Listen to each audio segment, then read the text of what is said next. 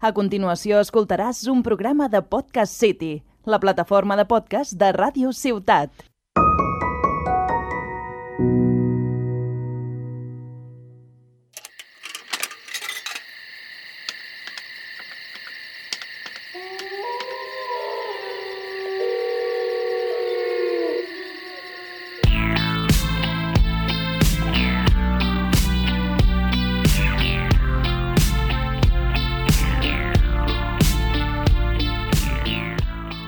Problemes per, per quan, quan de temps se deixa la intro. Eh, crec que tinc un, una mica d'incontinència.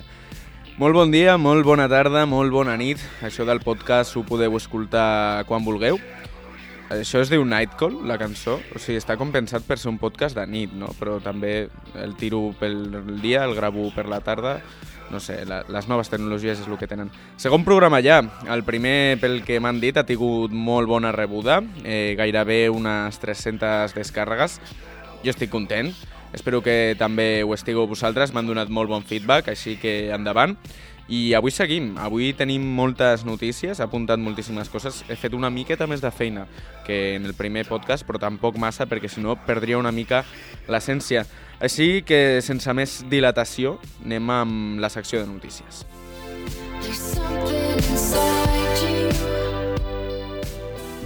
La primera que vull portar avui eh, me la vaig trobar tot just quan vaig deixar de gravar aquest podcast, vaig arribar a casa i vaig dir, hòstia, que bona hagués estat aquesta. I és que eh, sembla que els productors de la sèrie Homeland, amb col·laboració de Starz Play, que és una plataforma que està vinculada a Amazon, si, si ho entenc bé, i Sony Pictures també, estan preparant una sèrie sobre el rei Juan Carlos I, el emèrito, el que tots coneixem, estimem, de, de, de, com sigui, no? L'estimem, sí, ni que sigui com a personatge públic.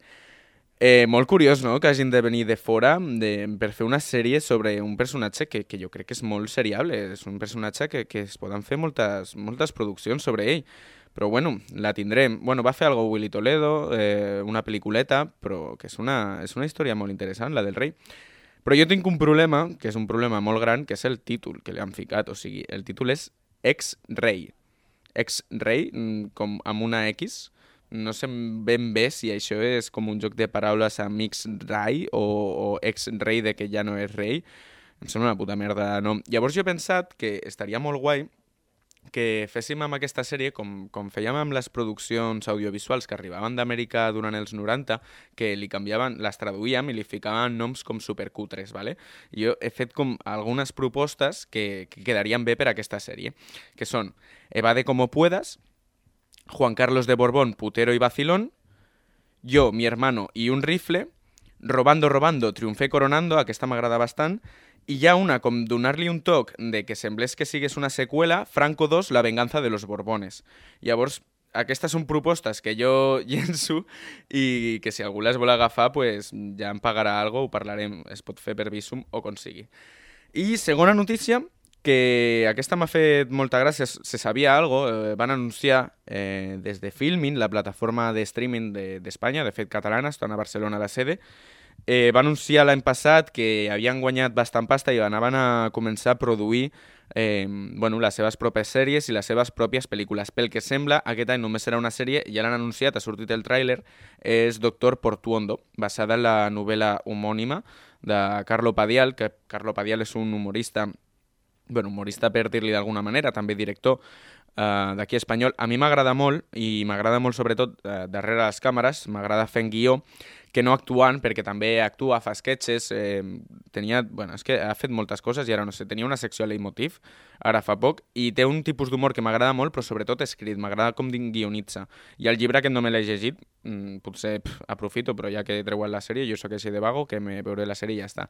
Bàsicament tracta de la relació que té amb el seu psicoanalista, que teòricament és un psicoanalista super top, eh, super bo, que ha curat a persones mm, que estaven molt mal, i ell té una relació mm, xunga, diguéssim, amb aquest psicoanalista, i és aquesta comèdia negra, comèdia existencialista, que, que el Carlo Padial sempre ens porta, i jo li tinc moltes ganes, i a més em fa molta il·lusió que, que filmin faci una producció pròpia, perquè és el que li faltava, no? Estava creixent molt, la...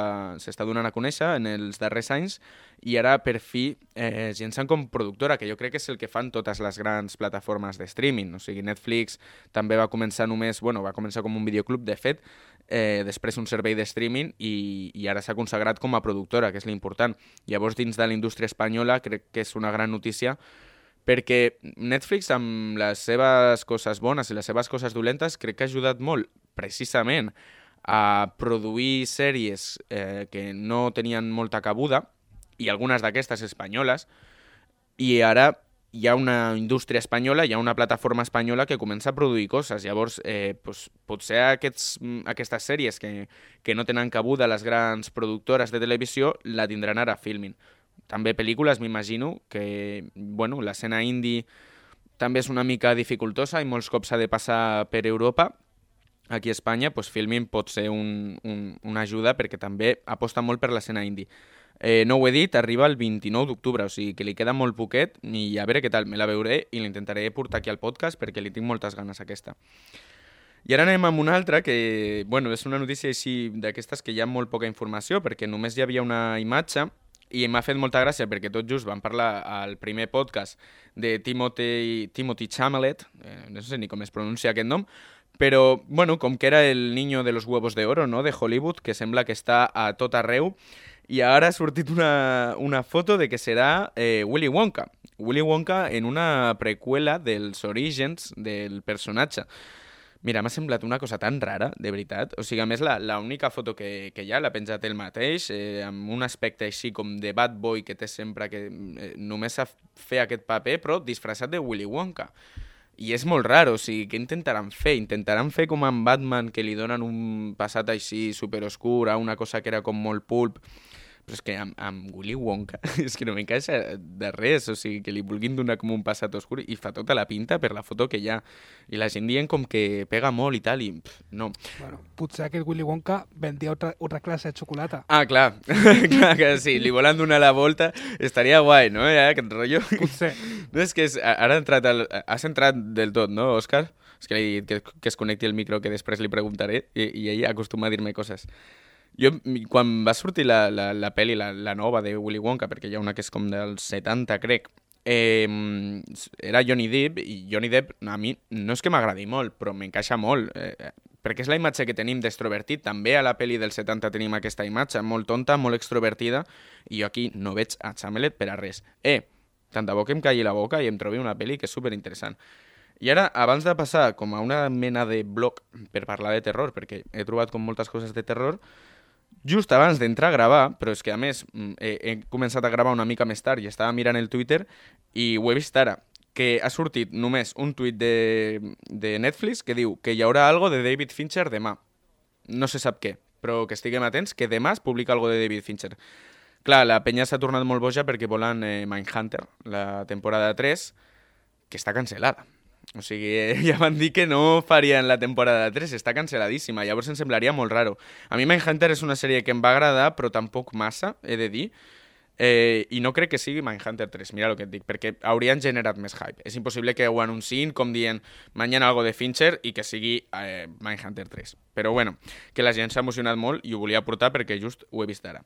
I ara anem amb, aquesta, bueno, amb aquest blog per parlar una mica de terror, perquè he vist moltes, moltes notícies de terror, la sèrie que portaré també va en la línia, llavors he dit, pues, mm, anem amb, amb un bloquet, per així dir-ho. I el que es deia que estava a l'Oscar és perquè ha sortit el tràiler de Resident Evil, Welcome to Raccoon City, que m'has tirat un, un efecto tot raro ahí, eh?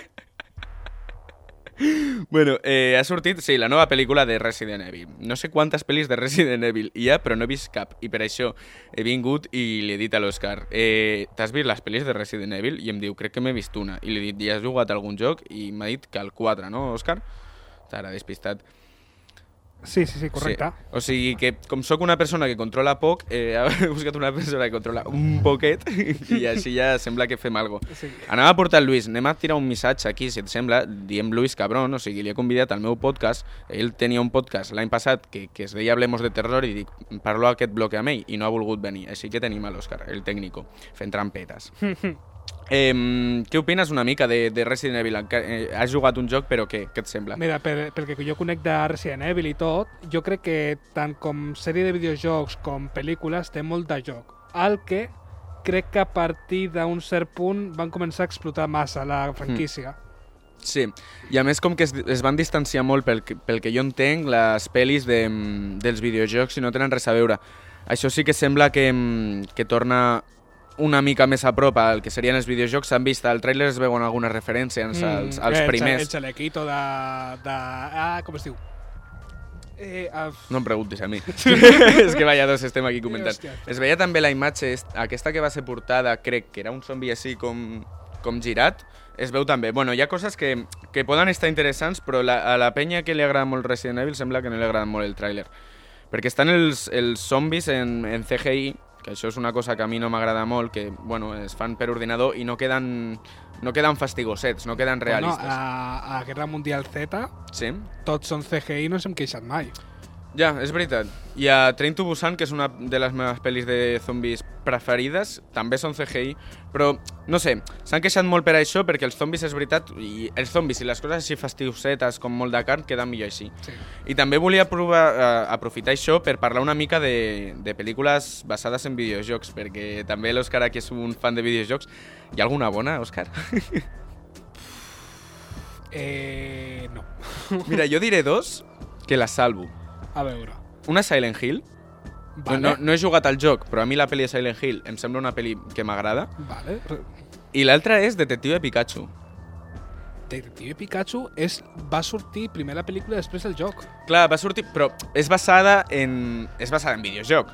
O sigui, és basada Sí, és en és sí, Pokémon, basada en un Pokémon. univers de videojocs, no? No sé si o sigui, no està basada del tot, però em va semblar una pel·li competent. Saps? Sí. Una pel·li competent de Pokémon, que em sembla un tema difícil de... Si haguéssim fet una, una pel·li amb l'argument del Pokémon rojo, hagués estat pitjor.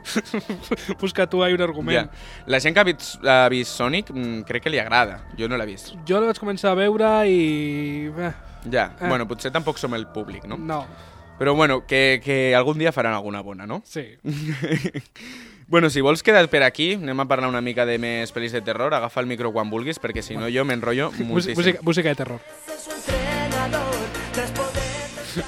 Ho sento. no, no, música de terror està bé. No, anem, anem, a canviar de, anem a canviar de terç ara. Anem amb l'altra cançó que tenies, la que venia després. Aquesta l'has ficat tu molt bé perquè eh, treballes més que jo per aquest podcast.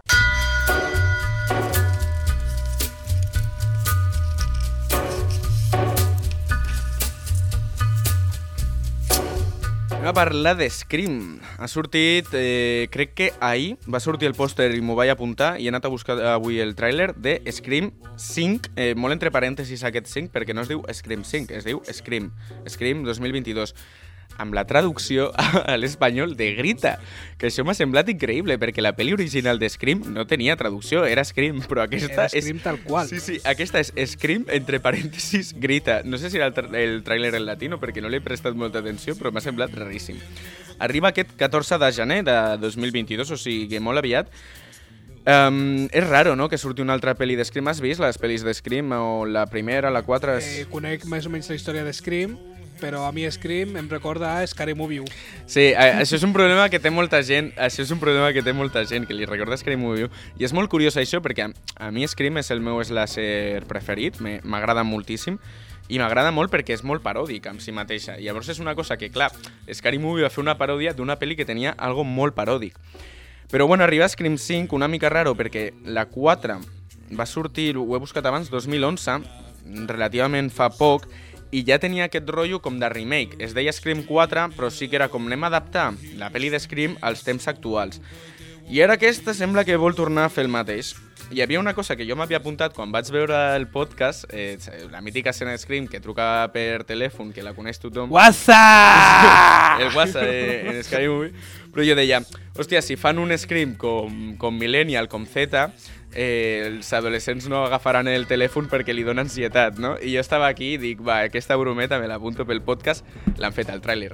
O sigui, la, està feta aquesta broma que realment el, el tio de Scream li truca i clar, l'altre, en comptes d'agafar el telèfon, li contesta per WhatsApp. O sigui, m'ha semblat espectacular. I només per això, o sigui, jo estava molt escèptic dient, va, no cal, Scream 4 ja era una reinvenció, però ha començat el tràiler amb això i dic, mm, aquesta és l'Scream que vull. O sigui, aquesta és l'Scream que vull perquè ja et dic que la primera pel·li Scream m'agrada molt perquè feia una lectura de, del, del propi gènere, del propi slasher, i aquesta era el, la part més important.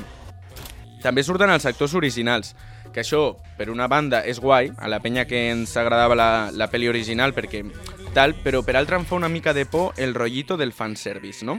Que tirin massa per aquí i no sigui el que, el que jo vull que sigui, que, que m'apeteixeria veure, que és una Scream adaptada als temps actuals, amb bromes com aquesta, amb adolescents que, que es vegin, pues això, adolescents Z, que parlin de pel·lícules de terror actual, perquè Scream mola molt, perquè és una pel·li de terror que és, en la que es parlen de pel·lis de terror, així que a veure què tal, surt aviadet, tinc ganes de veure-la. Des de que he vist la broma i anava a fer la broma de que no tenia ganes de veure-la, però quin remei, he de dir que sí. I seguim amb aquesta seccioneta de terror, amb la darrera notícia, que també me l'he apuntat eh, ara abans d'entrar. L'he vist eh, abans de sortir de casa, i és que no sé què passa el dimecres, que hi ha moltes notícies de cine, pel que sembla. Arriba The Black Phone. No he apuntat data perquè crec que no ha sortit, mm, potser perquè m'he oblidat també. És la nova pel·lícula de Scott Derrickson, que no us sona, a mi tampoc, però és el director de Sinister. No sé si aquesta les has vist, Òscar. Nope. Pues mira, Sinister són pel·lis de terror, però pel·lis d'aquestes de terror estil mm, taquillero, estil mm, sustos, susto a muerte, Pum, ah, però unes de les més decents que ha. Bueno, de, les dos, parlo de... perquè són dos, la segona és més fluixeta, la primera està molt guai, i també va ser el director de Doctor Strange, aquest tio. just, tu no va dir que ho estava veient ara? Sí, sí, sí, que per mi, bueno, també és una de, de les me meves preferides de... Bueno, m'agraden molt més altres de Marvel, però crec que és molt decent i és molt especial, sobretot és molt diferent a la resta. Eh, eh, és, molt, és molt espectacular visualment. eh? Sí, visualment també, clar. Llavors eh, surt aquesta nova pel·li de Black Phone, que surt un Ethan Hawke, que també repeteix de, de Sinister, emmascarat, segrestant nens, eh, com un mag, però a més superbots.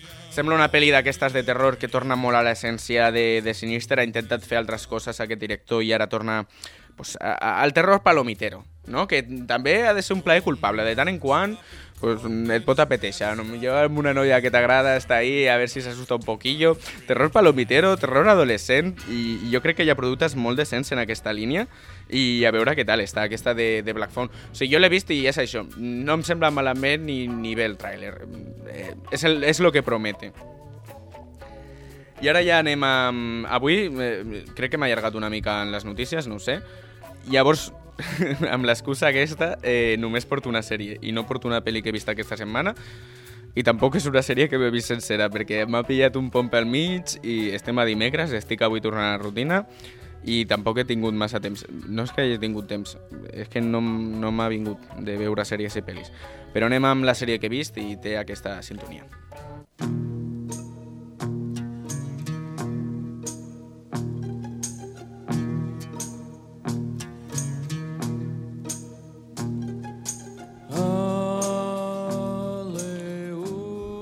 Anem a parlar amb aquesta sintonia tan celestial i country alhora de Midnight Mass, Missa de Medianoche, com l'han traduït al castellà. Bueno, és la traducció literal, realment. És la nova sèrie... Avui no, no és una sèrie tan popular com va ser el Juego del Calamar, que, que bueno, avui ha sortit la notícia també de que és la sèrie més vista de Netflix, ja, definitivament. A la primera, primer mes, eh, 11 milions d'espectadors, és una borrada, una borrada. Bueno, no, 11 no són molts, po molts pocs. Sí, era un altre número. No, ho he vist i no ho he apuntat, però vamos, que ja és la més vista. Eh, parlem de My Night Mass, la nova sèrie de Mike Flanagan. Eh, una sèrie que jo pensava que ho anava a petar bastant, eh, que portava temps anunciada i pel que he vist no, no ho ha petat tant, per les recomanacions de Netflix, de aquests tops que fa de les més populars i tal. Mike Flanagan eh, és un director que va fer un parell de produccions també vinculades a Netflix, podríem dir menors, que a mi m'agraden bastant. Va fer més, eh, però jo dos que m'agraden són Hash i Gerald's Game, el juego de Gerald. i després va anar a la gran pantalla, una gran producció realment, amb Doctor Sleep, que és com aquesta seqüela del Resplendor, que també m'agrada moltíssim, m'agrada bastant. I a Netflix també ha treballat molt per les que sí que crec que són més conegudes que aquesta de Midnight Mass, que són eh, la, aquest binomi de The Haunting, The Haunting of Hill House i The Haunting of Bly Manor. Sèries de terror que també mesclen molts gèneres, que tenen molt drama, que tenen punts d'humor. Crec que Mike Flanagan comença a ser un director, també a, a Doctor Sleep trobem el mateix, amb trets característics, i per mi, i per això em, em sembla molt raro que no ho hagi petat aquesta sèrie, perquè el terror a Netflix, el terror a les sèries funciona normalment molt bé, eh, The Haunting of Hill House i, i Bly Manor van funcionar molt bé, i aquesta crec que no està funcionant tant. I a mi, o sigui, no l'he vist sencera, vale? Que ara l'he d'acabar. Eh, M'he vist quatre capítols, eh, és molt curteta, a més, són sis o set capítols. Eh, a mi m'està agradant molt, crec, sense veure-la vist, que pot ser mm, de lo millor que ha fet el director, i em fa molta pena que no ho estigui petant. Si us agrada una mica el terror, mireu-la. Però si no us agrada el terror, també. Perquè hi ha una cosa que he descobert de tot el que fa Mike Flanagan és a la gent que no li agrada el terror o que potser no pot amb el terror, li acaba agradant perquè és molt accessible i les històries que hi ha darrere són més importants. És un director que juga molt amb això que mm, està molt de moda, perquè jo crec que és una cosa que sempre, sempre ha passat al terror, que és vincular molt el terror als drames i als pors propis de la gent i dels personatges. També és algo molt de Stephen King. Aquesta és una sèrie molt de Stephen King, a més. M'agrada també molt Stephen King, ¿vale? Eh, és una sèrie molt de personatges i en la que, com vaig comentar en el, en el darrer podcast, el poble és un personatge més, perquè encara no he explicat res de l'argument de la sèrie. Molt bé. Eh, és una sèrie que es desenvolupa a una petita illa als Estats Units, una illa pesquera, que té només un poble, eh, diria que només té un poble, pel que s'ha vist, i és una comunitat profundament religiosa, és el temps actuals, però és una comunitat profundament religiosa. I amb l'arribada d'un nou eh, cura, perquè l'altre estava com molt gran i se- sembla que està com a la península, el, eh, amb l'arribada del nou cura eh, comencen a passar milagres a, a la illa i està molt guai. I el terror tarda molt en arribar, però sí que té aquest rotllo de, de Stephen King, com deia, de que el poble és un personatge, perquè el fet de que sigui una comunitat pesquera i molt cristiana fa que les dinàmiques i les relacions mm, que es donen en aquest poble són molt pròpies, no? I, i totes les històries dels personatges estan molt unides, no? Perquè, perquè és, un direct... o sigui, és un poble molt petit. Llavors a mi això és un rotllo que m'agrada molt. També m'agrada molt el terror així com gòtic cristià, tot i que el tenim una mica saturat. Aquesta és de les bones. Si fa una mica de pal, el rotllo de, del terror vinculat al cristianisme i als déus, doneu-li una oportunitat perquè jo crec que ho fa molt bé. Una cosa que se li ha, no, en part criticat, es remarca sempre no, d'aquest director, són els diàlegs. O sigui, és una mica toston amb els diàlegs, amb els monòlegs, o sigui, eh, s'expressa molt i a més aquesta és una sèrie que parla d'existencialisme, parla de metafísica, parla de la relació que tenim amb Déu, i llavors hi ha personatges mm, que parlen d'això amb posicions diferents, intenten portar-se... Bueno, eh, eh, en aquest sentit és espesseta, però a mi m'agrada, i a més crec que mm, eh, és un director que té capacitat per dirigir eh, un diàleg mm, i, i, i que no sigui monòtom amb un plano contra plano, sinó que ja a la direcció hi ha algo que t'està dient més enllà d'aquest diàleg, com el que veiem a Breaking Bad, a Breaking Bad, a Breaking Bad, que veies a dos personatges esmorzant, però mm, per la direcció es veien les dinàmiques de poder d'aquests, doncs jo crec que Mike Flanagan ho aconsegueix. Llavors això, recomanació total, perquè el juego Calamar no era recomanació, era parlar de la sèrie que havia vist tothom. Aquesta crec que no l'ha vist tanta gent, així que mireu-la, que està nova, i, i jo crec que, que us agradarà, tant si us agrada com no el terror. I amb això ja arribarem al final d'aquest podcast, ja tenim la música de la recomanació. I, bueno, un tema d'actualitat. Eh, avui és dimecres, per mi, per vosaltres serà divendres, però, clar, ahir va ser el dia de la hispanitat.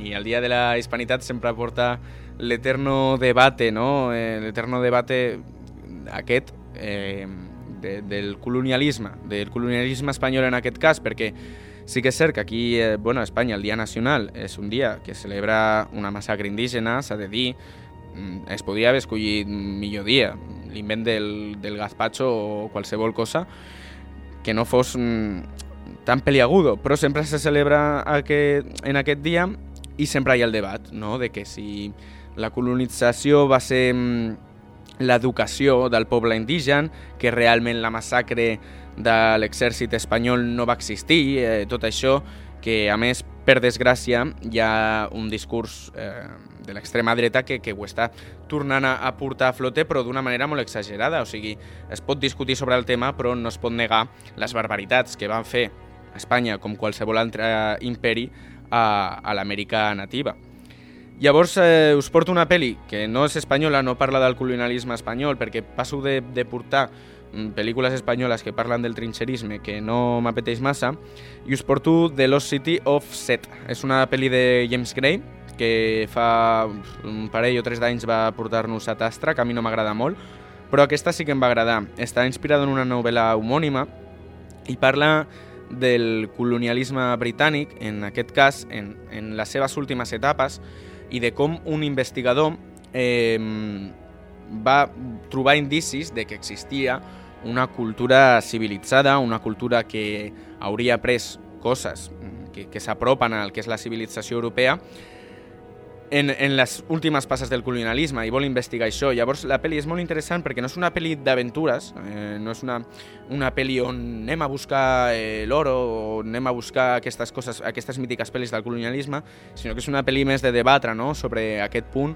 i es veu com eh, aquests colonos, aquests grans propietaris anglesos, no volien financiar aquesta investigació. Per què? Perquè precisament demostrar que havia existit una civilització molt culta, molt poderosa, molt propera a l'europea, demostraria que era una autèntica salvajada el que havien fet allí, a, a, a l'Amèrica nativa. Llavors us porto aquesta pel·li, és una pel·li també lenteta, però té a... Bueno, a mi em va descobrir l'altra cara de Robert Pattinson, que s'ha acabat convertint en un dels meus actors de la seva generació, actors actuals preferits, perquè és veritat que el vam conèixer amb Crepúsculo i, i és el meme, Crepúsculo és el meme, però després el tio s'ha sapigut moure per pel·lis indis, per pel·lis interessants, i jo sempre valoro molt d'un actor que sàpiga escollir molt bé els seus papers. Crec que és algo que fa Joaquin Phoenix, que fa Gyllenhaal, i Robert Pattinson, de la seva generació, és el que ho fa. També mmm, va redescobrir a Tom Holland, perquè és una de les primeres que va fer amb juntament amb Lo Impossible, no sé si abans o després, però que ara que és un actor tan de moda, pues el veiem ahí molt poquet, poquets minuts, però està ahí molt jove. Així que us porto una altra pel·li reflexiva, perquè penseu una miqueta, encara que ja s'ha passat de moda el debat quan surti aquest podcast sobre el Dia de la Hispanitat, però si no us la mireu, si us he convençut. I per la meva part eh, ja estaria tot. Eh, agrairé tot el feedback que em doneu, agrairé que algú em pari pel carrer i em digui vull venir al teu podcast, perquè avui m'han deixat plantat i, i jo crec que parlar amb algú sempre està més divertit. Avui hem parlat una mica amb l'Òscar i ja està guai. Així que això és tot. Eh, ens veiem la setmana que ve. Xampany i crispetes.